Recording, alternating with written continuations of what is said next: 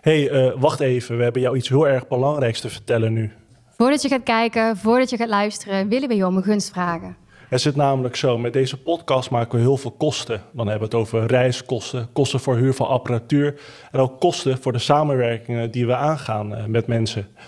Daarom zijn we een donatieactie gestart. Ga naar onze Instagram, Molukse Takkie, en check de link in bio. Ja, support ons met een kleine donatie. Wat je kan missen, het zou heel tof zijn. Vind je het leuk om naar ons te luisteren en kan je ons een handje helpen?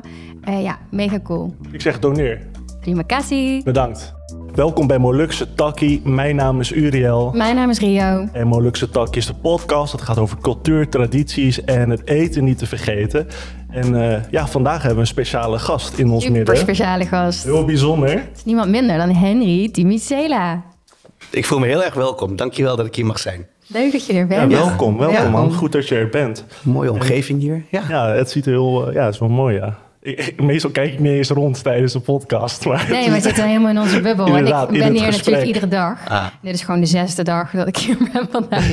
maar ik ben heel geblest dat dit uh, mijn werkspot mag zijn. Ja. Ik heb het hier naar mijn zin en het is heel huiselijk. En ik hoop dat iedereen dat ook voelt. Nou, ja. Ik kan het wel direct hier. Dus, uh, maar dat komt ook gewoon door jullie, hè? Ja, bedankt. Ja, bedankt. Zeker wel. Dus ik volg het natuurlijk gewoon via internet.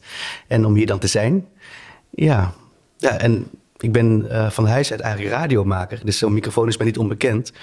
Maar het is toch weer even weer wennen. Om erachter te zitten. Ja, ja, en ook dan gewoon bevraagd te worden. In plaats van die vragen te stellen. Ga je zeker bevragen. en, en, de vraag die we ook aan jou gaan stellen, Henry, is... Van, van wie, ben, ben jij? jij? Van wie ben ik? Nou, mijn uh, vader uh, is Fred Timicela. En uh, mijn moeder uh, is, nou, was Celie Timicela Anacotta. En uh, ik ben hun oudste zoon. En ik ben opgegroeid in Tiel. Hele fijne jeugd gehad. Nabij de Molukse wijken. Dus heel erg betrokken bij, bij de Molukse wijken. Beide ouders waren allebei kerkraadslid en actief in het verenigingsleven. Dus het komt vaak voor dat je dan thuis zit en dat er denk ik al allemaal vrienden, ooms en tantes binnenkomen en die moeten vergaderen. En na het vergaderen wordt gegeten, of voor het vergaderen wordt gegeten, of tijdens het vergaderen wordt gegeten en muziek gemaakt. Dus uh, heel, warm, um, heel warm opgevoed. Heb je altijd ja. in de Molukse wijk uh, gewoond? Nou, op mijn achttiende uh, dacht ik van nou, ik, wij woonden dus niet echt in de Molukse wijk, maar echt nou, een, een, blok er, erachter. Mijn opa en oma woonden er wel. Um, en op een 18e dacht ik van, nou weet je wat, ik ga, ik ga even kijken uh, of ik ergens anders kan wonen. Toen ben ik uit huis gegaan. En toen ben ik naar Hilversum gegaan.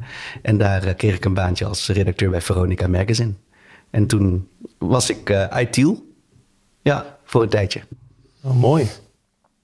En op het moment toen je een beetje ervaring ging opdoen binnen de media... Um, als redacteur, uh, had je ook een bepaalde transitie als journalist, toch? Ja, ik, ik, um, de reden waarom ik naar Hilversum wilde was, um, ik vond het leuk om met media bezig te zijn. Mm -hmm. Dus uh, ik had me uh, ingeschreven bij de School voor Journalistiek in Tilburg. En nou, loting, ik kwam er doorheen. En mijn eerste jaar was eigenlijk best wel, hoe zal ik het zeggen, dramatisch. Omdat ik dus, nou eigenlijk niet, want ik ontdekte dat ik niet voor de schoolbank was weggelegd. Mm. Het was toen 1999 en um, de burgeroorlog brak ook uit op de Molukken. Dus ik was heel erg daarmee bezig. En toen dacht ik van, nou, ik, ik, ik moet toch op een andere manier iets vinden om dat naar buiten te brengen. En toen ben ik in de media gerold. Nou, Veronica kwam er dus bij. En um, radio kwam erbij. Want um, ik maakte toen ook vrijwilligersradio bij Radio Salto. Ja. Oras. Shout-out naar Oras. Want daar ben ik ook echt mijn radiocarrière begonnen. En in dat pand aan het Rembrandtsplein... na ons programma was er een ruimte boven ons... een groep radiomakers, jonge gasten. En die maakten de Love Lounge. En dat was wat nu Funix is. En dan praat ik over 2002, 2003 zo. En ik hing daar altijd op de zondagavond als vrijwilliger. En toen zeiden ze op een gegeven moment, nou, we gaan, uh, we gaan groeien. We zoeken redacteuren. En zo ben ik in het radiowereldje gerold. En als een van de eerste redacteuren van Phonics Radio... destijds aan een klein tafeltje in Den Haag... later naar Rotterdam en toen uitgebouwd in Amsterdam en Utrecht... Um, heb ik mee mogen helpen aan... Uh, aan, aan dat merk. Wat tof. Dus, dus dat ja, ik werk er nu natuurlijk heel veel mee samen met Snap ik. Shout-out Fernando. Ja, echt, zeker. Fernando ken ik nog echt uit die, uit die ja. school inderdaad. Ja, ja super gaaf. Ja. Mooi hoor. Dus, dus, daar, dat, dus daar heb ik dat radiovak een beetje geleerd. En, maar het is ook een passie. Je moet het ook echt super leuk vinden. En mensen in de media moeten ook een beetje gek zijn op zichzelf. Dus ik, ik vond dat ik wel een... Je van zichzelf houden ook. Je moet een beetje van... Ja, kijk, nu is het allemaal selfies. Ja, precies. Ja, want je moet, je, je moet jezelf wel horen. En als het niet comfortabel is, ja, dan is dat gewoon niet comfortabel. Maar, maar is het niet zo dat uh, het kantoor van Funix ook op de Lloydkade... Uh, ja, dat is het hoofdkantoor. Het hoofdkantoor, ja. En dus, daar werkte je ook op dat ja, moment? Zeker. Dus um, hoe is dat toen gegaan? Uh, vanuit Den Haag, dat kleine tafeltje waar we met z'n allen zaten en programmaformats ontwikkelden. Um, toen kregen we veel meer frequenties. Dus de frequentie in Utrecht, de frequentie in, in uh, Den Haag, Amsterdam en Rotterdam. Um, en toen um, was de, het pand in, aan de Lloydkade was toen ready. En toen verhuisden we allemaal die kant op. En toen werd dat het hoofdkantoor. En toen kreeg ik de taak, de schone taak, om de editie van Utrecht op te zetten. Dus, dus dat heb ik met een team mogen doen. Dus daar ben ik nog steeds hartstikke goed trots op. En, en, wist je ook toen er tijd dat de Lloydkade een vrij speciale plek uh, Wist ik dat? ja, ik, ik wist dat toen wel. Ik wist dat toen wel inderdaad. Alleen, ik was toen echt bezig met ja, carrière. Dus ik was, ik was vooral bezig met ja, hoe kan ik nu stappen maken in de media. Mhm. Ik wil niet zeggen dat ik, dat ik mijn Molukse achtergrond was vergeten. Dus ik ging nog regelmatig terug naar Tiel. En ik was ook gewoon nog steeds betrokken bij verschillende projecten. Maar het was vooral mijn werk als freelancer. Mijn werk als, uh, als radiomaker, als mediaman. En je zei net dat je wel ook in die periode veel uh, bezig was met Crusoe die, uh, die heerste. Ja, dat was daarvoor nog inderdaad. Ja, ja. ja.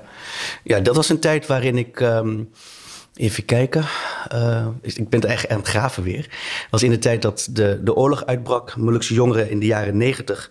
Nou, we hadden laatst een podcast over gemaakt. We doen graag bombenjacks. We hadden onze haren lang. Die podcast, hè? Ja, dat ja, op uh, Museum Maluku staat. Klopt, op het YouTube-kanaal. Ja. Ja, ja.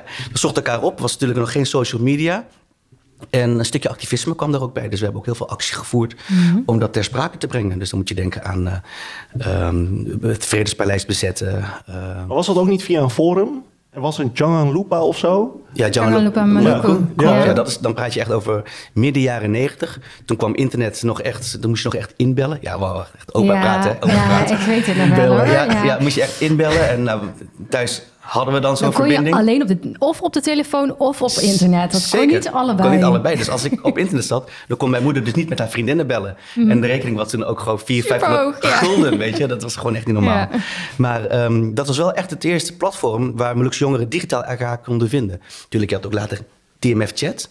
Uh, en, en veel later PP2G. Mm -hmm. maar, ja, maar, maar, maar Maluku had een forum inderdaad, had een chatbox. En daar, uh, daar zijn gewoon hele mooie, zelfs relaties uitgekomen inderdaad. Want ja, je ontmoet elkaar digitaal. Dus op een gegeven moment stond je in verbinding met Molukse jongeren uit Zeeland en Assen. En dat was heel bijzonder. Ja. En, en van daaruit ja. Eh, konden jongeren ook samenkomen in, in, het echt. Ja, er waren een aantal meetings ook in Amsterdam georganiseerd. Of, eh, natuurlijk. En heeft dat ook nog dan onder, is dat ook onderdeel geweest van de acties die jullie toen zijn gaan doen eind jaren 90? Oh, dat weet ik eigenlijk niet meer. Ik weet wel dat er ook een soort van een underground netwerk was. Mm. En uh, ja, dan, dan spreek je elkaar inderdaad. Ik kan me dat wel nog herinneren. Ik was negen, tien jaar oud in die periode. En toen is er een, een mars geweest in Amsterdam. Mm -hmm. Stille tocht met ja. kinderen en vrouwen. Ja, nou, Daar heb, ik heb ik toen meegelopen met mijn moeder en mijn tantes. Okay. Ja. ja. heeft wel veel indruk toen op me gemaakt. Ja, op een gegeven moment werd de Molukse gemeenschap ook wel een beetje wakker. In 1995 had je echt grote rellen op 25 april. Was het de Houtrusthal ja, dat is, dat is bij de Houtrusthal inderdaad. Dat was in Den Haag, mm was rondom de Indonesische ambassade ook. En een jaar daarop werd de Molukse jongerenvereniging, uh, politieke jongerenvereniging, Pemuda RMS opgericht. En daar zat ik bij samen met mij, met honderden andere jongeren. En dan kwamen we bij elkaar en dan hadden we het over van... oké, een stukje identiteit, een stukje educatie, een stukje cultuur... maar vooral ook politiek. En het onrecht wat opa en oma is aangedaan... ja, mhm. dat hield ons als twintigers enorm bezig. En dan uh, zeker gericht op een vrije Zuid-Molukse republiek. Daar ging het ons dan om. Is dat nu vandaag de dag nog steeds jouw ideaal? Um, nou, we zijn inmiddels uh, eh, 25 jaar verder. Mm -hmm. um, Kijk, ik zie uh, hoe ik er toen in stond. Ja, dat was natuurlijk ook gewoon dat moment. Ja. En um, we kunnen niet twijfelen aan de rechtmatigheid van, van de RMS. Alleen dat heeft nu ook gewoon in de gemeenschap een andere, een, een andere uh, lading gekregen. Er zijn natuurlijk gewoon groepen binnen de gemeenschap die er nog steeds hard voor gaan. Maar we moeten ook luisteren naar wat er op de moeilijke gebeurt. En wat daar, wat daar zich afspeelt. Zeker, de tijd dus, gaat door. Hè? Ja, dus, dus daar kijk ik ook graag naar. Uh, maar ik vind wel dat, dat een, een volk in vrijheid mag leven. Mm -hmm. dat, dat vind ik zeker, ja. Ja, ja, het is inderdaad een wisselwerking. En je, op een gegeven moment, als we nu teruggaan naar Nederland, je was freelancer, mediamaker. je ging ook natuurlijk films maken. en, en dan heb ik het over Sterk, de film Sterk. Wat trouwens nog op YouTube te vinden is. en ook... Wij hebben dit gekeken. Oh my god. De film... Jonge Yunus zie je daar. en ook de film uh, Jefta, wat, wat, ook echt een uh, heel bijzonder, uitzonderlijk project uh, was. onder de naam van Maluku Cinema. Ja. En daarna van film ging je weer over naar het maken van theater. Wat zijn die verbanden eigenlijk? Als we het hebben over bijvoorbeeld de film Jefta en het theater maken. Nou, het, het zegt heel veel over. Uh, ik, deed dat niet alleen. Uh, samen met mijn broertje hadden we een hele mooie grote groep mensen. Uh, om ons heen verzameld, waar, waarmee we dus dat project konden, konden realiseren. Maar dat begon eigenlijk. Ehm, toen, toen, ik heb een tijdje gezworven ook. En toen ben ik in het buitenland beland. Toen ben ik in New York beland. En daar heb ik mezelf eigenlijk een beetje leren kennen. Dat was een periode voorafgaand waarin ik uh, nou, een beetje met mezelf zat. En uh, mezelf ook een beetje in de nest had gewerkt in de zin van uh, schulden. Mm. dus dus nou, vluchtgedrag. Ik kwam in het buitenland terecht. En daar heb ik een, een, lange periode in New York mogen verblijven. En toen ik terugkwam, dacht ik van oké, ik moet even terug naar de basis. Dus terug naar mijn ouders gegaan. Op mijn 31ste en 32ste. Mijn broertje ook. Relatie net over, hij terug. En toen zijn we gaan bouwen. En toen hadden we een zomerproject voor Molukse jongeren in Tiel bedacht. We dachten van, nou, we kunnen ook een um, dagjes uit organiseren naar de Efteling of een of andere pretpark. Maar we maken er een langer project van en we gaan een speelfilm maken. Nu had mijn broertje wat ervaring met telefilms. Um, Wijster en de Punt, daar had hij in gespeeld. Mhm. En ik had wat communicatieervaring. Dus ik dacht van, nou goed, als we dat bundelen, dan kunnen we vast wel een leuk project maken. En dat is het project Sterk geworden, waarin we um, jongeren een taak gaven. Dus niet alleen het acteren, maar ook het hele proces erachter. Dus het draaiboek maken, een stukje productie. Uh, hoe ga je funding doen? Oké, we moeten koekjes bakken om die te verkopen. Om vervolgens geld te hebben om een camera te huren. Dat soort dingen. Ja. Dus, dus je neemt jongeren niet mee naar alleen dat product, maar dat hele proces erachter. Dat was, dat was het uitgangspunt. Want die première, dat was in de lokale Schouwburg, in de Achtietenhof. Met uh, lokale sponsors die een limousine sponsoren en dat soort dingen.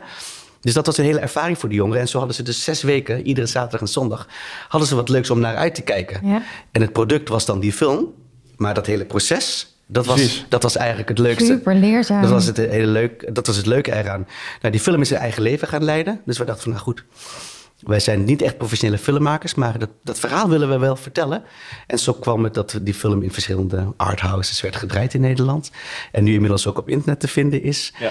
Ehm, maar het ging ons echt op dat proces. Ja. Waarin je gewoon echt uitlegt van oké, dit, dit is community art. Het is gewoon dat, wat je met elkaar doet. En het geeft ook heel veel zelfstandigheid en ondernemerschap. Ja, ja absoluut. Het, Is, het, was nul budget, uh, maar met heel veel steun van mensen. Heel veel steun van ouders, grootouders, mensen die het dragen. Omdat ze zoiets hebben van, nou, dit is, um, dit is een community ding. Ja. En, en daarop volgde, nou, als we het lokaal kunnen doen, waarom zouden we het niet landelijk kunnen doen? En zo is Maluku Cinema geboren. En eigenlijk naar blauwdruk van wat we in Tiel toen hadden gedaan met Sterk. Oké, we gaan het groter aanpakken. We gaan een centraal punt doen voor de audities. We gaan wat mensen bij elkaar roepen voor een stukje productie. En, en zo is dat project verworden tot... Um, dat uiteindelijk Jefta. De film Jefta. Uh, ja, en daar kijk ik nog steeds op terug, op een mooie tijd. Maar ook daar geldt dat het proces was een soort kunstproject ook, ook eigenlijk. Waarin je mensen bij elkaar brengt, mensen die elkaar niet kennen. Daar zijn ook gewoon relaties uit voortgekomen. Ik ja. maar weer. Net zoals... Uh, hint, hint, Yunus en Ida. Bijvoorbeeld. Bij, dat is maar één voorbeeld, hè. er zijn er meerdere. Ja. Um, maar je brengt een groepje, maar dat gebeurt altijd. Dat was ook in mijn tijd bij Funix. Als je een grote groep twintigers bij elkaar brengt, of course komt daar wat uit, weet je wel. Ja, ja. Dus, dus, dus um, ja, ik, ik, kijk nog met heel veel plezier daarop terug. Uh, en ik zie ook gewoon dat mensen uit, uit, uit die periode ook gewoon hun eigen weg zijn gaan volgen. Uh, dat geldt ook voor mijn broertje en mij. Maar dat geldt ook gewoon voor alle betrokkenen die, die daarbij uh, um, daar, waarmee we hebben samengewerkt ja. in die tijd. Waaronder een Morris uh, Materbonks, Morris die ook als filmmaker uh, Enorm succesvol en enorm uh, een naam ook inderdaad. Dus S.O. Morris inderdaad. Ja, echt heel mooi. Ja. En, en wat ik zo mooi vind aan deze film is dat ook bij het crowdfunden... is van daaruit ook een beetje die theatervoorstelling, de, het ja, geheim van de gebroeders die ontstaan? Min of meer, ja. In, in de laatste fase van, van, van die film um, kwamen nog geld tekort voor een stukje nabewerking. En toen hadden mijn broer en ik het idee opgevat om ehm, ja, misschien te vertellen over dit proces. En daar een verhaal van te maken. Een soort inspirerende masterclass van oké, we zijn begonnen bij Intiel in 2010. Toen is het dat geworden.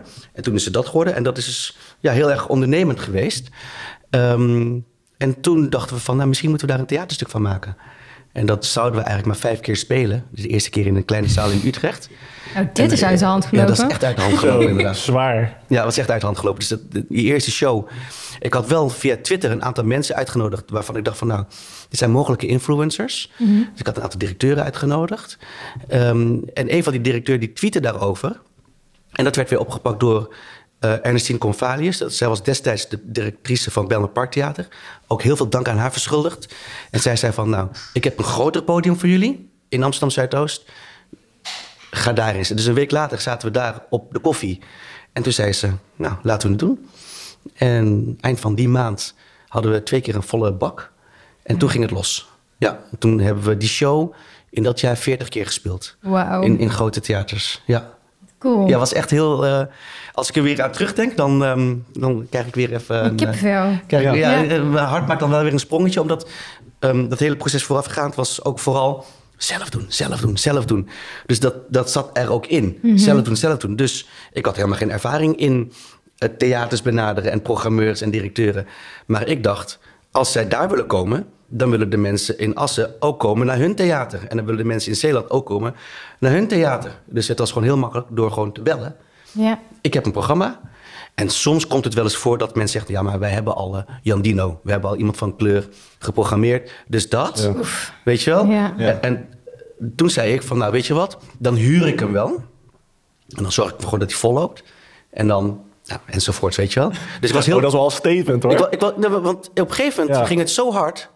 En dan had je ook gewoon een onderhandelingspositie. Dat je kon zeggen van... Het maakt niet uit of ik daar ben of daar ben. The people will come. Ja. Weet je mensen komen gewoon. Ja. Maar dat was ook gewoon zo. Dat is echt mooi. En ik ben, en ik ben gewoon heel dankbaar naar al die mensen die al die jaren zijn geweest. Want die hebben gewoon support. Mm. Het product moet goed zijn. Laten ja. we wel wezen. Als het wakker is wat je brengt, dan komen mensen gewoon niet. Nee. Maar het was ook vooral een stukje reflectie. Het was humor. En mensen kwamen na afloop van de voorstelling vaak naar mijn broer en mij toe... om hun verhaal dan ook te delen. Dus ja. nadat je optreedt ben je ook nog eens een keertje een uur bezig met... Uh, napraten. Dat is natuurlijk super veel herkenning in ja, jullie shows. Ja, ja, ja. ja, ja. Therapeutisch ook. Uh, Bijna wel therapeutisch. Ja. ja. ja, En, en, wat ik ook zo... Was dat ook de intentie of is dat gewoon zo gelopen? Kwamen jullie daarachter door die feedback? Ja, ik denk dat we daarachter kwamen. Want um, het was een rollercoaster van emoties. Hè? Mm -hmm. dus, dus je vertelt een verhaal. Het is heel persoonlijk. Je stelt heel kwetsbaar op. Dus mensen voelen dan ook dat zij hun kwetsbare kant aan je kunnen tonen. Ja, word je benaderbaar van. Hè? Ja, ja. Dus, dus, dus ja, mijn moeder heeft ook kanker gehad, weet je wel. Ja. En dan krijg je dat verhaal. Mm -hmm. En dan staat er een rij mensen. En dan gaat de mevrouw weg met dat verhaal. En dan komt er een jongen en die zegt van... Oh, ik wou dat ik dit zag toen ik 15 was. Want dit doet me zoveel met mijn Molukse identiteit. Enzovoorts. Ja. Dus al die emoties komen dan voorbij. Dus je kunt je voorstellen als ik dan naar huis rijd met de crew, ja. dat het dan gewoon even stil is. Dus even, ja, precies, mm. dat je even moet verwerken even, alles. Uh, weet je wel? Ja. ja. Maar, maar het, het, zit wel, ja, het zit ook wel een beetje in je bloed, toch? Want je hebt, je had een... Uh, oh, ja, Hij heeft research gedaan, hè? Oh, maar was dat ook in het theater, toch? Ja, precies. Klopt. Ja, mijn Ja. oma die heeft uh, een, een theaterstuk gedaan bij Delta. Dat, is, dat heet nu Delta Dua. Dat heette vroeger Ja, is van Tante Nel. Tante Nel, inderdaad. En, uh, uh, en om Annies. En um, ik ging als 12-jarige jongetje ging ik gewoon mee toen zij ging toeren. En mijn oma was echt een verteller. Dus die, die was ook echt aanwezig en die vertelde gewoon een verhaal in geuren en kleuren. Ja, als je dat dan als jongetje meekrijgt, dan, ja, dan doet het je wel wat. Ja. De appel valt niet ver van de boom. Ja. Letterlijk en figuurlijk. Ja, inderdaad, inderdaad. Dat was een mooie speech. Ja, Ook dat- vol emoties. Oh, Ja, dat was ook wel eh, bijzonder, ja. Als we even vergeten. Tweede Kamer, vorig klopt. jaar Ja. inderdaad. Ja. Hoe Ja. ben je daar zo gekomen? Want je hebt dus een speech gehouden Ja. in de Tweede Kamer vorig jaar. Klopt. Op, de, vijf- op 15 augustus. Klopt. Eh, ja, ik ben daarvoor gevraagd. Op een gegeven moment, ja, als je dan ook theater maakt en je wordt directeur van het museum, dan zit je in een bepaald netwerk. Mhm. Ja. Eh, en dan is het altijd aan mij om na te denken van, oké, welk verhaal ga ik nou inschieten? Ga ik het grote verhaal vertellen, van de Molukkers in Nederland? Of ga ik hem heel klein maken en dat dat dan illustratief is voor die grote groep mensen? Ja. Nou, ik heb daarvoor gekozen. Want, omdat ik vanuit mijn theater ook heb gemerkt dat dat wel een hele mooie ingang is. Heel Het zijn menselijk, Het is hè? heel menselijk en het zijn verhalen van mensen. We praten over 12.500 Molukkers die naar Nederland zijn gekomen. Maar er zijn dus ook 12.500 verhalen. Zo is het. Ja, en ik vond ook heel mooi in, in dat verhaal dat, dat die doorzettingsvermogen van je oma ook uh, terug kwam. En ook haar politieke ambities, hoe dat ook zo is uh, teruggekomen. Ja. Dus voor de mensen die geïnteresseerd zijn in dat verhaal, ga naar Museum Maluku, het YouTube-kanaal. En daar kan je ook de speech uh, bekijken. En dus, ja, het is echt een, een, een mooie, mooie vertelling. Mooi verhaal. Wat ik ook zo mooi vond, is uh, dat je zulke gesprekken met je oma hebt gehad. Ja. Dat ze er zo vocaal over uh, is. Ja. Er is toch best veel zwijgen en mensen die, die lang niet altijd zo open zijn geweest. En ik had het gevoel net die, en ik heb ook nog een ander interview met jou gelezen en bekeken, waar je ook over je oma vertelde, uh, ja, dat ze jullie echt veel heeft meegegeven en heel veel sprak. Ja, het voordeel was ook dat, um, dat ik tweetalig ben opgevoed. Mm -hmm. dus, dus het communiceren was heel erg makkelijk. Uh, en mijn oma vertelde ook gewoon heel graag. Onder het koken, um, als ik gewoon bij haar was. En dus dat was heel erg fijn. En heel uniek, heel vrijgevochten. Ja, ja, ja absoluut. Vertel ja. dat ze is, is, gescheiden. Ze is gescheiden inderdaad. In midden jaren tachtig was het natuurlijk not done in die tijd. En um, een tijdje bij ons ingewoond ook. En dan komt mijn opa.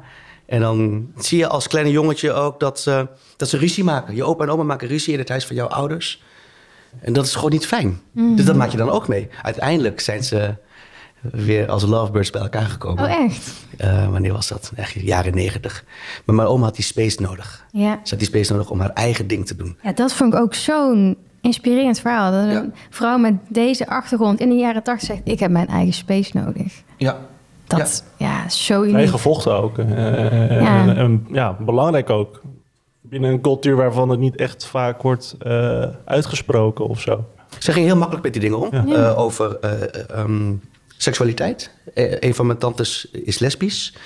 En die vertelt dan heel makkelijk van... Ja, ik belde mijn moeder op en ik kom langs. En dit is mijn vriendin. Mhm. Jaren tachtig. En mijn oma zegt, nou, dat is hartstikke mooi. Welkom.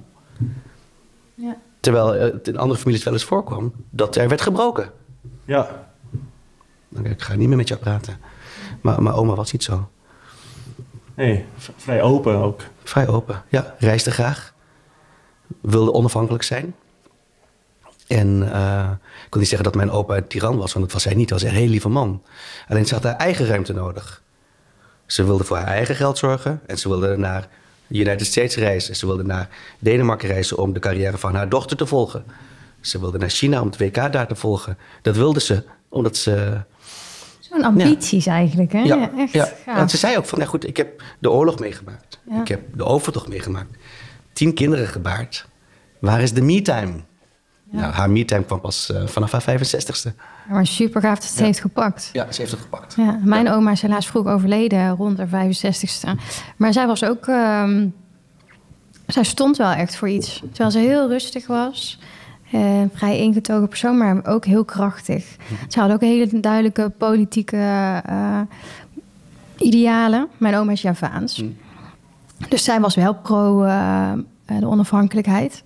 Eh, maar dat droeg zij dus ook uit. En ze, was ook, ze, ja, ze had ook een, een groep waarmee ze dat eh ambieerde hier in Nederland. En ze, ja, daarin had ze ook haar eigen ambities. En je hoort dat eigenlijk heel weinig. Ja. Ik, ik heb precies hetzelfde met mijn oma. Oh ja? Dat het wel misschien wel Hoe grappig is dat het? we een Waarom we hier met z'n drieën dezelfde- zitten? Onze oma Ja. zit een theekrantje Ja, ja, boven. ja. Ja, mijn, te drinken. Mijn, mijn oma die, ehm, die eh, is ook al een feminist. En eh, die zette zich in voor de kerk, ook voor de zondagschool. Oma Palang de Lima, uh, Matelemual. En eh, er is een, ehm, dit, is een heel interessant beeld. Eh, er, er, zijn, er zijn videobandopnames van haar, dat ze naar de Tweede Kamer gaat. En dit was toen in de periode eh, van, de, van de burgeroorlog. Eh, en ze liep gewoon binnen de Tweede Kamer en ze wilde gewoon het gesprek aan met mensen. Gewoon van, hé, hey, eh, met wie kan ik spreken? Want er is een situatie daar. En, en dan zie je haar gewoon in het, in het Maleis praten tegen een groepje mensen die daar werken. En dan dropt ze een paar keer de naam koningin Juliana. En dan zie je ze ook zo kijken, zo van, oh, eh, wat, wat moet ik hiermee? Ja. Dus dat, eh, nee, dat is wel heel, eh, heel mooi. En ehm, ik denk ook heel veel dat respect van, mijn- van, van mijn oma heb eh, meegekregen. Maar wel inderdaad je hart volgen. En, eh, en, lef ja, en- ook. ja, sowieso. Gewoon binnenlopen, toch? ja. Eh, gewoon tegen onrecht vechten, ja, dat, eh, dat, daar was ze wel van, ja. Wat mooi dat we zo vandaag op deze gesprekken komen. ja, zeker. Sterk rechtvaardigheidsgevoel. hè? Ja, absoluut. En eh, Henry, op een gegeven moment eh, ben je museumdirecteur. Dus, dus je, je, je hebt heel veel theaterstukken gemaakt. eh, samen met Joshua. Klopt. En vervolgens ben je opeens directeur van Museum Maluku in 2020, geloof ik. Klopt ook. Hoe was dat eigenlijk voor jou? Die overgang van, van, van, het, van journalist, mediamaker, theatermaker, nu directeur van een museum. Nou ja, eh, in, in, in de tijd van eh, de producties ehm, ja, ben je gewoon echt aan het ondernemen. Dus je bent gewoon echt aan het bellen, je bent aan het regelen. Nou goed, dat hoef ik jou niet uit te leggen. en ehm, op een gegeven moment was ik daar een soort van klaar mee. Ik dacht van oké, eh, vanaf 2010, dus nu 2019, ik ben bijna tien jaar bezig om... Met de community ben ik bezig. Ehm, dat is lang, vind ik lang.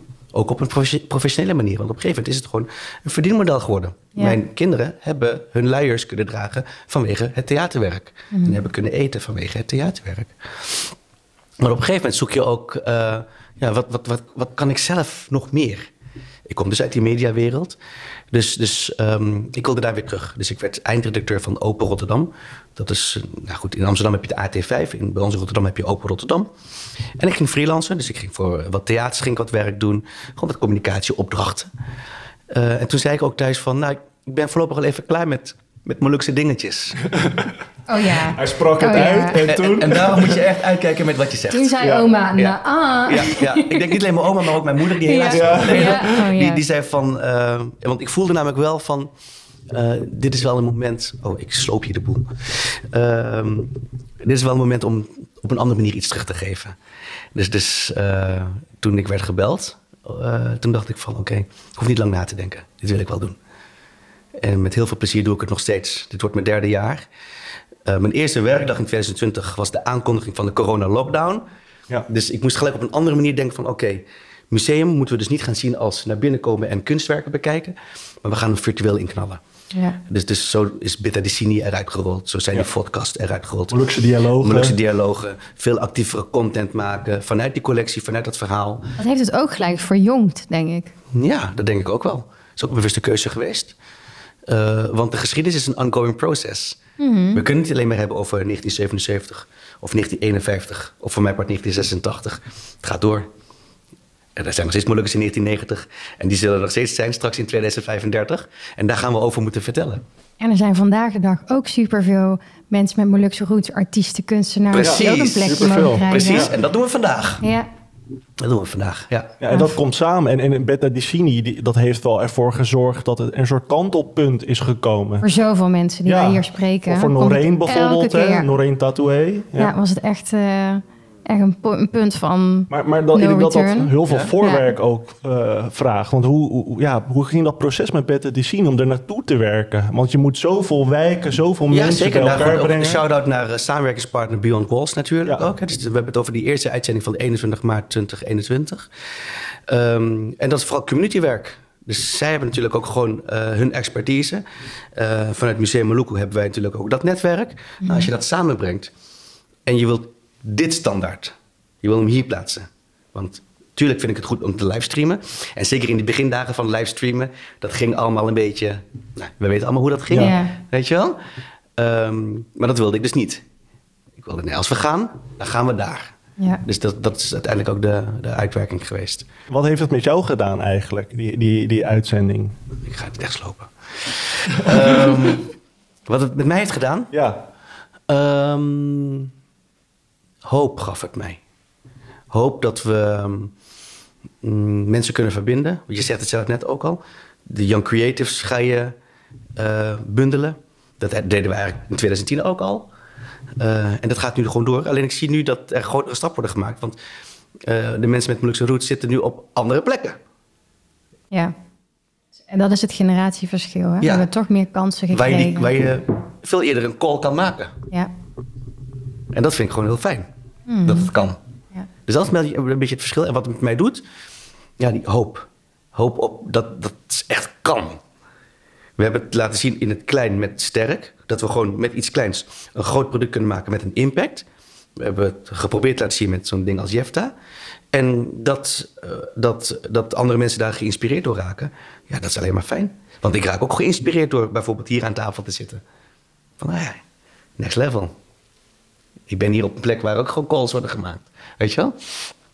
Ja, ik... ik Door ik- moeilijker. Ja, precies. Ja. Rio lekker topessie. Sowieso. Nee, daarom. Ja. Ja. Nee, ik, ik vond uh, Bette Dicini zo, eh, zo bijzonder en mooi. Eh, ook omdat die samenwerking van het Landelijk Molux Monument werd ook aangekondigd. Eh, tijdens de livestream ehm, maakte ik ook kennis met Anjanita Kaya, eh, bekend als eh, Sava Lyron. ja. Eh, dat, dat vond ik zong ook... Atsaku toen, hè? Ja, Ja.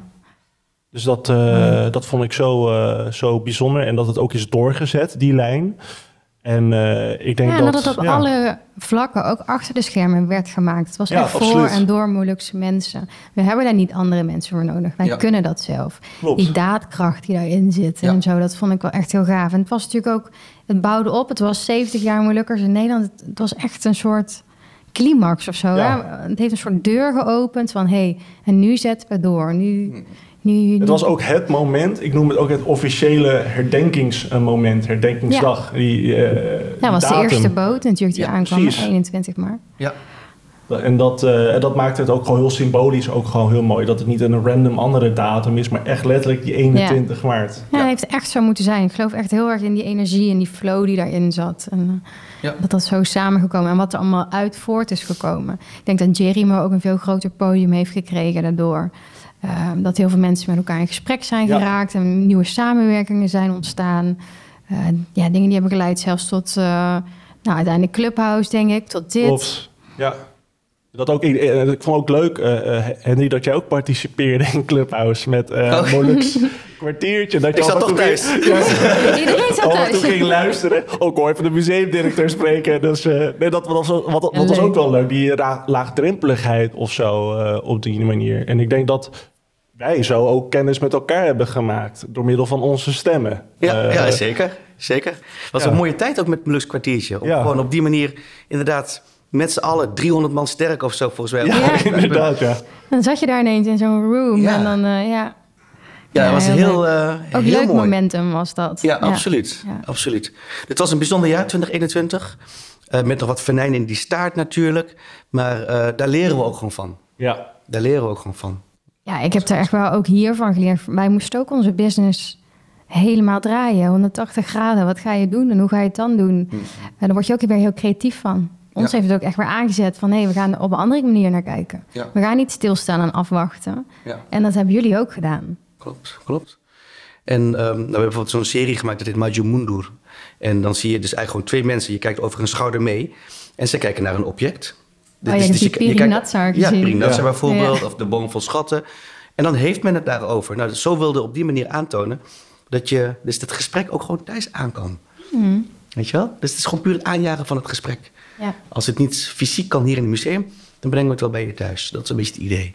En ik vind het ook wel fijn dat dat soort dingen, moeilijkst kwartiertje... en ik denk ook deze podcast, eh, dat gesprek heel erg op gang brengt. Want er was toch wel vroeger, vooral toen ik jonger was... niet in mijn gezin per se, maar ik voelde dat wel zo in mijn grotere familie... eh, dat het dom was om iets te vragen. Dat Ja, was van, oh ja, maar dat weet je toch. Eh, of dat hoor je te weten. En nu is dat gesprek veel opener. Ja. Mensen durven veel meer te vragen... en er wordt, er wordt gewoon meer uitleg ook gegeven. Ja.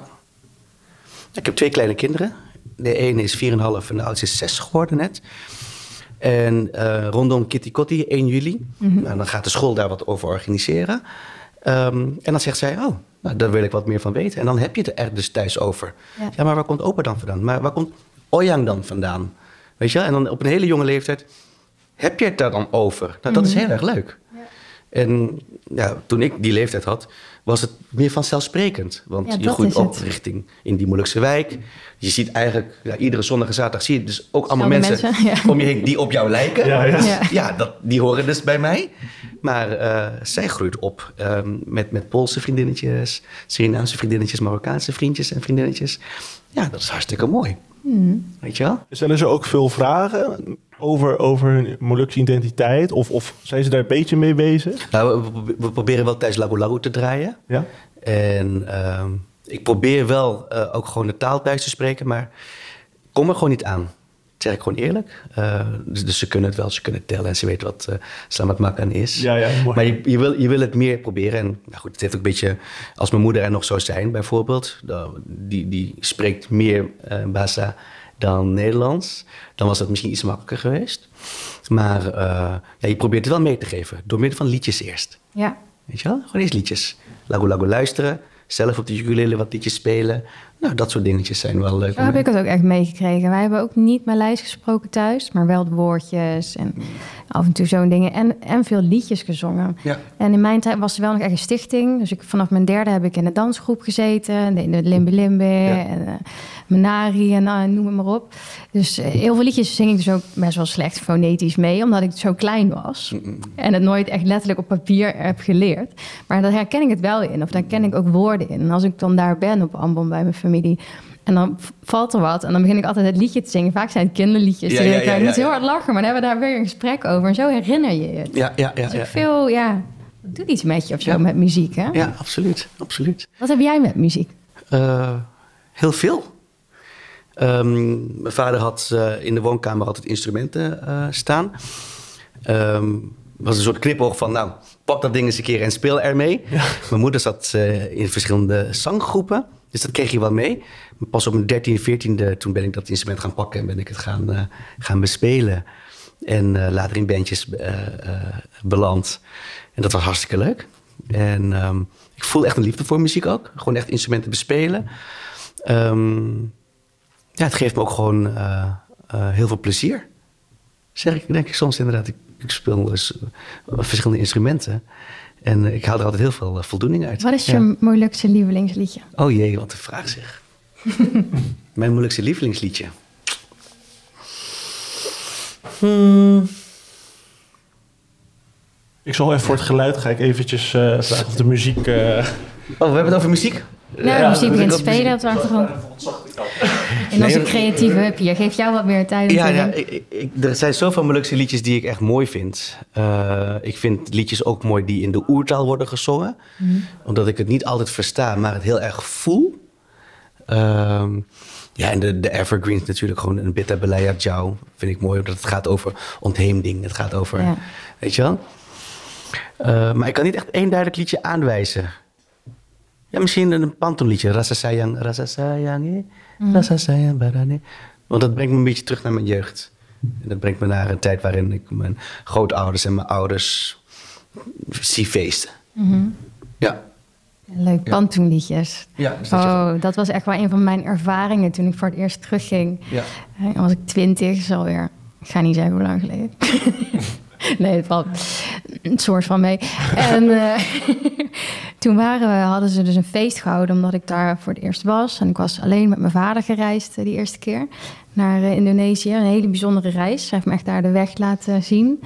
Um, op Java ben ik geweest, op Bali met hem en naar Ambon, waar onze familie vandaan komt. En um, op een avond hadden ze gewoon allemaal palmbladeren als een, een, een overdekt dakje gemaakt tussen de huizen in. En dan uh, was er echt pesta en die allemaal eten. En alle tantes hadden al de twee dagen gekookt. En toen kwamen de ooms met de tifa's ja. en uh, de minumsoppie. Ja, ja, of course. En toen begon ja. het. Ja. De pantoons. Ik was twintig. Dus ik was al heel oud dat ik niet getrouwd was. En uh, hoe kon dat toch dat ik geen kind had? En, uh, oh, wow. Ja, dus, maar dat was heel, ja, ik kon er heel goed tegen. Ik vond het wel heel grappig. Maar mijn vader moest het me een beetje influisteren wat ze dan allemaal zeiden. Dan ging ze op een gegeven moment daar pantoons over maken. Oh. Maar lachen ja, ja, dat ze deden. Doen, ja. En Rio is al twintig en ze is toen niet getrouwd. En dan iedereen.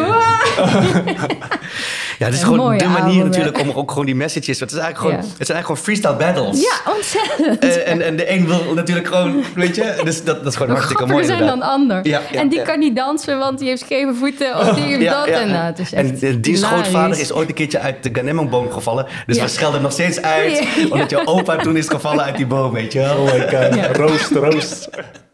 Ja, echt heel grappig. Ja, ja. Dus, dus nee, dat, dat, dat, nee, dat is misschien een antwoord op je vraag. Ik denk dat ja. dat soort liedjes namelijk ook wel een stukje cultuur uh, manifesteren. Mm -hmm. Van oké, okay, sama sama. Ja. We maken elkaar wel een beetje belachelijk, maar in die end houden we echt van elkaar, ja. weet je wel? Ja, maar die humor, dat hoort erbij. En een beetje dat zwart ook erin. dat is toch echt moeilijk. Ja. Ja. Goed lachen. Ja. Ja, nice. En, en um, als we het hebben over eh, weet je, het vastleggen, het archiveren en zo. Eh, ook, ook als museum zijnde. Ehm, je doet dat nu op, op Henry, op de digitale manier. Eh, als we kijken naar de toekomst, eh, zou, zou Museum Maluku misschien ooit eh, een, een, een eigen plek kunnen hebben? Of zou dat volledig digitaal gaan? Nou, ik hou dat ja, graag open. Ik, ik, Ja. denk, ik denk wel dat het mooi is als er zo'n plek is.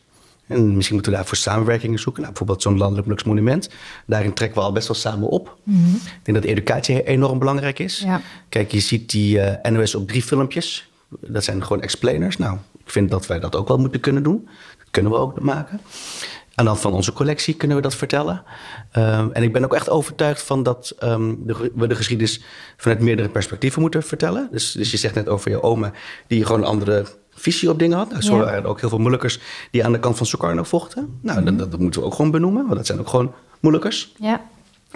Uh, maar ik wil ook niet dat de geschiedenis stopt in, wat ik al eerder zei, rondom de treinkapingen of in de jaren tachtig. Er zijn genoeg ooms en tantes die in die tijd heel veel beeldmateriaal hebben gemaakt. Ja. En dat zouden we heel graag gedigitaliseerd willen zien. Want Ja. dat waren toen allemaal echt videotapes. Nou, het zou hartstikke mooi zijn als wij zoiets kunnen digitaliseren en kunnen aanbieden. En zeggen tegen filmmakers of documentairemakers... als je weer eens een keertje iets maakt over Molukkers... trek dan niet die band van De punt weer. die uit de kast. Ja. Of, of dat ene jongetje dat zo uit die raam kijkt, zo weet je wel. En dan ziet hij de, de en zo. Of dan, dan, dan ziet hij het Hollandse landschap. Dat zijn Ja, hele, hele ja. bekende beelden. Maar, Hollandse eh, Sawa. Ja, ja, Ja, dat wordt echt heel vaak gebruikt. dat, dat ja. beeld van Ja. eh, geen zonovergoten Sawa's, maar puur vlak Hollands landschap. Weet je, dat, eh, dat, dat ja, ding. daar ook klinkt ook gelijk zo'n oude radiostem bij. Dat, hè? weet je wel. Ja. Eh, dan heb ik liever dat we, dat we ook dat narratief ook gewoon van de andere kant laten zien. Heb je, heb je Ja, over cool. nagedacht, eh, Henry, om misschien met Filmmuseum AI eh, te spreken? Nou, we spreken nu eerst met Als, eh, eh, beeld en geluid. Beeld en geluid, in ja. Ja, daar zijn we nu mee in gesprek. Ja, want, want wat je zegt over die eh, eh, filmfragmenten, er zijn heel veel documentaires die ook gewoon onvindbaar zijn. Die, in- die ook op 16 mm zijn geschoten, die je gewoon nergens kan vinden. Hmm. Dus ja, ik hoop echt dat zo'n museum, zo'n museum Maluku, dat allemaal kan vastleggen en dat dat een soort centraal punt wordt. Want eh, jullie laten die, ja, die culturele geschiedenis zien, maar jullie maken het ook soms pragmatisch. Net, net als ehm Maluku Atlas eigenlijk, een beetje. Dat, dat is ook vanuit het museum, Klopt, eh, Moluks Historisch Museum eh, Klopt. ontstaan. Dus nog aan een, aan een update eh, moet hij nog krijgen. Maar, Misschien een app of zo? wellicht, wellicht, wellicht. App. Het Ja. kost allemaal geld. ja, inderdaad. Ehm, maar maar eh, ook een voorloper daarin is, is Jefta Patikawa, die met zijn Ja. project Verloren Banden ook al Zeker, binnen, binnen, ja. binnen dat Vazense eh, dat heeft weten te digitaliseren. En dat gewoon voor de toekomst gewoon heeft gewaarborgd, geborgd. Nou, eh, dat, dat zou hartstikke mooi zijn als we dat gewoon op meerdere plekken kunnen. Ja, heel Kunnen mooi project om dat, eh, we Absoluut. dat lokaal zouden kunnen uitrollen. Bijvoorbeeld, ja. ja. Want vergis je niet, in al die lokale archieven en stadsarchieven. Ik ben bijvoorbeeld in Tiel, waar ik dus vandaan kom, heb ik gewoon op de site gekeken naar. Google dan gewoon Molukkers op die site. Er komen allemaal foto's uit van inderdaad die lokale kranten. Die ik dus niet kende. En daar ontdekte ik gewoon mijn opa en mijn oma en mijn papa. Arnie. Die zag ik op een demonstratie in Tiel met een spandoek. Nou, dat, is, dat, dat zijn gewoon mooie pareltjes. Als je die kunt vinden. Ja, Ja, en mooie foto's ook. Ja. Ik geloof dat er, er, is, er is ook een Molukse fotograaf.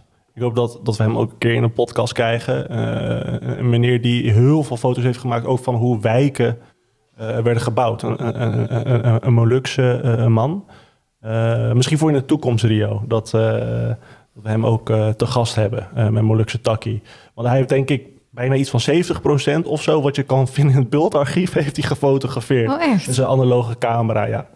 Dat zijn vooral eh, zwart-wit eh, foto's. Ehm, maar dat kan je ook zien in de omschrijving. Dan zie je ook zijn naam eh, een aantal keer. Oké. Ja, dus er is een bekende fotograaf, maar die is helaas overleden. Eh, ik, ik heb het over een, een, een, een fotograaf die nog in leven is. Ook omdat ik met hem contact heb geha- gehad Maar je op even Facebook. niet op zijn naam. Ja, Ik kan niet op zijn naam komen, maar daar kom ik later misschien wel op, eh, op terug. terug. Ja. Ja. Dus eh, er wordt heel veel vastgelegd. Ja. En dat- ja, inderdaad. En we leven in een, in een tijdperk waarin de digitaliteit eh, echt belangrijk is. Dus, dus, dus daar moet je gewoon in mee. Sterker nog, daar moet je eigenlijk gewoon in voorlopen. Ja, en Dus ook, kijk naar andere musea. Maar ook die samenwer- wat je zegt, hè, die samenwerkingen. Eh, bijvoorbeeld eh, wat je hebt met eh, het museum Siwa Lima, geloof ja. ik. Ja. Dat is op Ambon. Ja, Dat is op Ambon Ja. inderdaad. Nou, dat, is, dat is een museum waar we mee samenwerken sinds vorig jaar. Nou, vanwege corona hebben we nog niet echt gewoon goed kunnen uitwisselen. Maar de wens is bijvoorbeeld om collecties met elkaar te overleggen. Ze hadden een opening eh, ter herdenking van eh Marta Christina. En toen hebben ze foto's uit onze collectie gebruikt in de hal. Dus dan zie je een barak uit Vught. Je ziet eh, de Lubbers Metiari overeenkomst. Um, Molukse jongeren in een kamp. Nou, die hebben gewoon op Ambon in het Museum eh, is dat daar tentoongesteld. Nou, dat vinden we hartstikke mooi. Zodat men daar ook kan zien hoe men hier is opgevangen. Want niet iedereen weet dat Nee, op Maluku. nee, zeker niet. Ja, Ja. ja. Dus Dat dat is ook een weer- interessant vraagstuk. Als, hoe, wat weten ze daarvan, hoe het hier is gegaan? hè? Nou, wat we zagen na Bitta di Sini was heel veel uit Maluku vragen van... oké, hoe zit dit en hoe zit dat en hoe zit dit? Dus, dus ja, je probeert daarin die samenwerking te vinden. Dat is ook de reden waarom we later ook in de basis Indonesië hebben vertaald. En dat leverde gelijk tienduizenden eh, meer eh, views Views op. ja. Eh, en, en nog belangrijker, vragen. En, die, en die hopen wij dus te kunnen Ja, beantwoorden. het is super mooi, want daardoor krijg je kennisoverdracht vanuit nieuwsgierigheid. Ja. Beter kan je het eigenlijk niet hebben. Ja, ja, absoluut. absoluut. Ja. Ja, en, en ik vind ook heel, heel mooi dat dat bijvoorbeeld, als we het hebben over die kennisoverdracht, dat dat ook een zo'n monumentale status heeft met zo'n monument. Want dat idee is ook ontstaan door de walk, zeg maar, die, die, die je deed. eh, samen met eh, Joshua Timisela. Toen, eh, zou je daar misschien even kort kunnen samenvatten? Wat, wat is de walk Nou, precies? nou, eh, we hadden een promotiestunt bedacht. Ja. Namelijk, eh, we wilden, en dat was, toen, dat was toen 64 jaar Molukkers in Nederland. Toen hadden we deze film gemaakt. En toen zeiden we, weet je wat, we, we, we pakken een momentum, namelijk rondom 21 maart. En dan gaan we lopen vanaf Tiel naar de Lloydkade in Rotterdam. En dat moet dan media-aandacht eh, genereren. Dat heeft het ook gedaan. Want het bereikte zelfs het ministerie van Binnenlandse Zaken. En minister Plasterk liep mee in die walk. En eh, we liepen vanuit Tiel en op een gegeven moment kwamen we in Krimpen aan. En daar hadden we gezegd, daar, daar kan de grote groep aansluiten. En toen zijn we inderdaad die walk gaan maken vanuit Krimpen, Capelle aan de IJssel naar de Lloydkade. En toen heeft een lokale werkgroep, dat was toen de werkgroep Samen. En dat is nu het Landelijk Monument geworden. Die hebben dat opgepakt en die hebben gezegd, wij gaan dit stuk jaarlijks doen. Dus- Die kwamen op het idee op dat moment, toen ze de Lloydkade passeerden, om daar een monument te laten komen. Ja. Dat, dat, gebe- dat, dat Ja. gebeurde allemaal op Ja. dat moment, ja. Ja. En toen zijn zij zich gaan inzetten en hebben ze een stichting opgericht. The rest is history. Althans. Bijna. het- bijna. Almost, bijna, almost. Ja, bijna. Ja, ja, ja, ja, ja, ja. Ja, Dus ik ben ook heel erg trots op, eh, op hen. Dus ehm shout-out Werkgroep Samen. Shout-out Landelijk Bluesmonument. Heel veel shout-outs, hè? Ja, zeker. Ja, En, moet. Dat moet. Alleen Ja, maar, maar alleen dat maar shout-outs, ja. Want het gaat ook om verbinding en dat we het samen doen en dat het niet eh, verdeeld is. Ja. Ja. Klopt. Ja. En er zijn twee ontwerpen. eh, en die komen, eh, denk ik, op het moment als de podcast online is, komen die ook online. En dan kan je als eh, eh, luisteraar eh, van Molukse Takkie of als kijker van deze YouTube-video, kan je het bekijken op, op, op, op een YouTube-kanaal. En dan kan je het terugzien. Want dan zie je de kunstenaars ook spreken van waarom hebben ze eigenlijk gekozen voor het ontwerp. En wat is de voorbereiding. En, het, en één ding hebben ze gemeenschappelijk is dat het teruggaat naar de decolonisatieperiode. Echt indigenous. Dus dat Ja, een monument heeft wel een... Inderdaad. Een indigenous vibe. En Dat, eh, dat is heel belangrijk. Ja, we hebben het stiekem al een beetje gezien, maar eh, ga het zien, ga het kijken, ga het checken. Dat je nu, nu, nu is het wel online, dan kan je het wel kijken. Tik in landelijk Molux monumenten, dan, eh, Ja, dan moet het wel goed komen. Op hun Insta zag ik ook al wat, eh, wat plaatjes, inderdaad. Klopt, Ja. klopt. zijn er twee afbeeldingen ook te zien, ja. En gaan jullie binnenkort nog iets bijzonders doen met het museum wat we in de gaten moeten houden? Ehm, nou, vorig jaar heeft heel veel eh, druk op ons gelegd vanwege de 70 jaar. ja. En ehm, nu hebben we er eigenlijk een beetje voor gekozen om ehm, het een beetje intern te houden. Want we hebben heel veel dingen die we nog intern moeten doen. Bijvoorbeeld die hele grote collectie van 20.000 objecten. Ja, die zitten nu gewoon in een container. En die moeten we dus echt uitpakken. En afstoffen. Sommige dingen moeten we wegdoen. Sommige dingen moeten we digitaliseren. Dus niet alleen papierwerk. Dus niet alleen archieven van, nou, noem ze maar op. Manusama, Nikulu. Belangrijke archieven. Maar ook archieven uit de jaren 70, 80. Die willen we digitaliseren. Dus we zijn echt daarmee bezig. Ehm, objecten willen we 3D-scans van maken. Zodat we uiteindelijk Oh, mooi. een beetje kunnen werken richting virtuele museum. ja? Ehm, dus daar zijn we druk mee bezig. En zo nu en dan doen we een publieksprogramma. Dus we hadden in mei hadden we een thema over Patimura. Ehm, en er staat nog iets op stapel met beeld en geluid. Omdat we toch een beetje richting audio-video gaan. En dat is hopelijk eind van het jaar. Maar nu is het echt heel belangrijk dat we die collectie heel goed hebben. Ja. Zodat we voor de toekomst nog, eh, nog beter uh, ja, geëquipeerd zijn, weet je wel. Ja. Mooi, mooi, Ja. mooi werk dat je doet. Nou ja, ik doe het niet alleen. Nee. Een heel mooi team. En wat ik ook wil, nog een shout-out naar, naar, naar mensen die dus ook schenkingen doen. We hebben een schenking gekregen van een mooi gouden bord uit Babar. Uit 19 zoveel. Dat is gewoon, die mogen we nu in onze collectie opnemen. Mensen schenken ons ehm, spullen uit Maluku. Mooie tassen, maar ook gewoon fotocollecties. Dus, dus dat vertrouwen, ja, daar ben ik gewoon enorm dankbaar voor. Dat mensen zoiets hebben van, oké, het is goed werk wat jullie doen. Neem het in beheer. En laat het aan het grote publiek zien. Ja. Dat is een beetje waar we nu mee zitten. Hou het levend, hè? Ja. Vertel ons verhaal. Ja, ja, ja, absoluut. En hoe kan je Museum eh, Maluku ondersteunen of helpen? Nou, door vriend te worden natuurlijk. Dat kan via de website. We hebben een nieuwe donatiepagina. QR-code, alles, ideal, check, check. 25 euro per jaar. Steun je ons werk. Eh, daarmee heb je gratis toegang tot eh, Museum Sophiahof, waar we nu een expositie hebben staan. En volgend jaar eh, hebben we ook een heel mooi traject met vierde generatie kunstenaars. Mag ik nog helemaal niks over vertellen eigenlijk. Ik denk dat mijn team een beetje kwaad wordt. We hebben niks gehoord. niks gehoord. Maar het gaat over Next Generation, omdat ik het echt belangrijk vind dat, dat die het pakken. Ik heb nog één vraag en één tip. Mijn broertje heeft meegedaan aan Tracing Your Roots. Oké.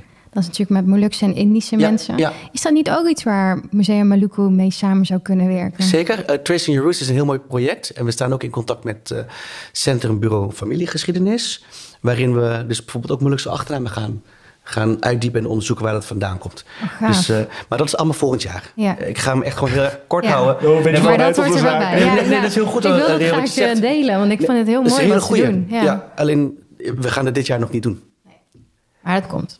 Ja. We Klinkt zijn klinkt nog het nou streng? klaar. Nee, toch? Nee. Nee, nee, nee. Beetje anticipatie. Er moet ook nog wat duidelijk, eh, zijn duidelijk. om... eh, Mensen moeten we een beetje verrassen. Ja. We hebben zoveel gegeven. Maar... Ik vind het echt een leuk gesprek. Nou, fijn. Jij, jij bedankt, eh, Henry, dat je bent gekomen. Ja. Ja. Nee, Dan was dit de cue om af te ronden, nee toch? Helemaal niet, helemaal niet. hoeft niet, hoeft niet. Eh, Nee, we, we zijn niet zozeer eh, tijdgebonden hoor. Dat, dat maakt niet uit bij de podcast. Heb je misschien vragen voor ons? Ehm, nou, ik heb natuurlijk gewoon al een aantal eh, gasten hier gezien. Ehm, derde en vierde generatie, volgens mij soms ook wel een tweede generatie. Ja. Dacht ik ook inderdaad. Ehm, ja, eigenlijk nu niet. Ik, ik vind het hartstikke mooi dat jullie gewoon per seizoen eh, weer mooie afleveringen maken. In een hele mooie omgeving. Ehm, en niet altijd de usual suspects eh, uitnodigen. Nee, ja, dat is wel echt een beetje eh, wat Ja. we doen. Ja, Maar hoe we het doen is heel organisch. Dus echt wie op ons pad komt, daar geloven wij heel erg in. Dat dat het dan moet zijn op dat moment. Ja, ja nee, dan ga daar vooral mee door. Ja. Want ehm, ik had ook zoiets van, oké, nu ga ik hier zitten. En ik had eigenlijk ervoor gekozen om niet meer zoveel achter de microfoon te zitten en die camera op te zoeken. Maar dat hoort ook wel een beetje bij het werk wat ik nu doe. Maar ik vond het in ieder geval echt een eer om, om dit met jullie te delen. Ja, Ja, bedankt. Het was ook een eer voor ons om, om jou hier te hebben. Je doet zoveel mooie dingen, Henry. Je hebt zoveel... eh, ja, je betekent gewoon zoveel voor zoveel mensen die, die luisteren en kijken. Eh, het is een impact dat, dat echt gaat echoen echt jaren eh, eh, eh, na dit gesprek. Dus dat, eh, je maakt jezelf wel onsterfelijk eigenlijk. Ja, je bent echt een kaarttrekker, denk ik, in, in wat je doet. Ook samen met je broer. ja. Ja. Ik heb, ehm, kijk, mijn broer is nu zijn solo carrière gestart. En ik heb eh, nu dit pad gekozen. Dus ehm, ook daar is het mooi om te zien dat we ook gewoon eh, eigen personen zijn, inderdaad. Hè? Ja. Ehm, het komt nog wel eens voor dat ik op een passamallam loop. En dat mensen tegen mij zeggen, was echt goed optreden man in Amsterdam. En dan zeg ik, dat is die andere, weet je. Ja. Ehm, maar ja, ik kan wel zeggen dat ik zeker... ehm, ik heb me altijd wel in willen zetten voor de gemeenschap. Ook toen ik nog in Tiel woonde. Eh, maar dat toen met dat project Sterk, toen dat begon... toen had ik wel zoiets van... eh, dit vind ik echt leuk om te doen. En ik heb ook gewoon geprobeerd om te kijken naar een stukje ondernemerschap. Want vaak is het vrijwillig. Vrijwillig werk, weet je wel. En dat, dat is ook allemaal goed. Want je doet het vanuit je hati, weet je wel. Maar op sommige punten kun je ook zeggen van... nou goed, als we nou deze markt op deze manier benaderen... ja, dan kunnen we ook gewoon gaan ondernemen. En dan kunnen we er ook een, een boterham aan verdienen. Eh, en zo vind ik bijvoorbeeld... eh, ja, supporting Moluku Business... Vind ik gewoon heel erg belangrijk. Ja. Dat we, dat we gaan zoeken naar, naar, naar Molukse ondernemers.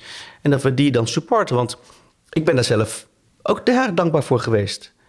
Weet je? Dus, dus, dus wat ik vertelde over die luiers en dat eten. Ja, dat heeft gewoon te maken met ondernemen. En dat de Molukse mensen dus allemaal dat kaartje kochten... zodat we konden gaan. ja, maar dat betekent ook dat jij dus al je energie kon focussen op dat project. Ja. En je daar helemaal voor kon geven. Ja, ja. Dus als ik bijvoorbeeld een, een Molukse modemerk zie... dan denk ik van, ja, die trui ga ik gewoon kopen. Want misschien kan zijn dochter nu wel naar tennisles, bij wijze van. Ja. Weet je? Support, support elkaar daarin. dus, dus ik, en ik vind dat, dat, dat het nu echt heel mooi gebeurt. Ik zie heel veel Molukse ondernemers ook. Ehm, dus dat, dat zou ik vooral willen blijven supporten, inderdaad. Ja.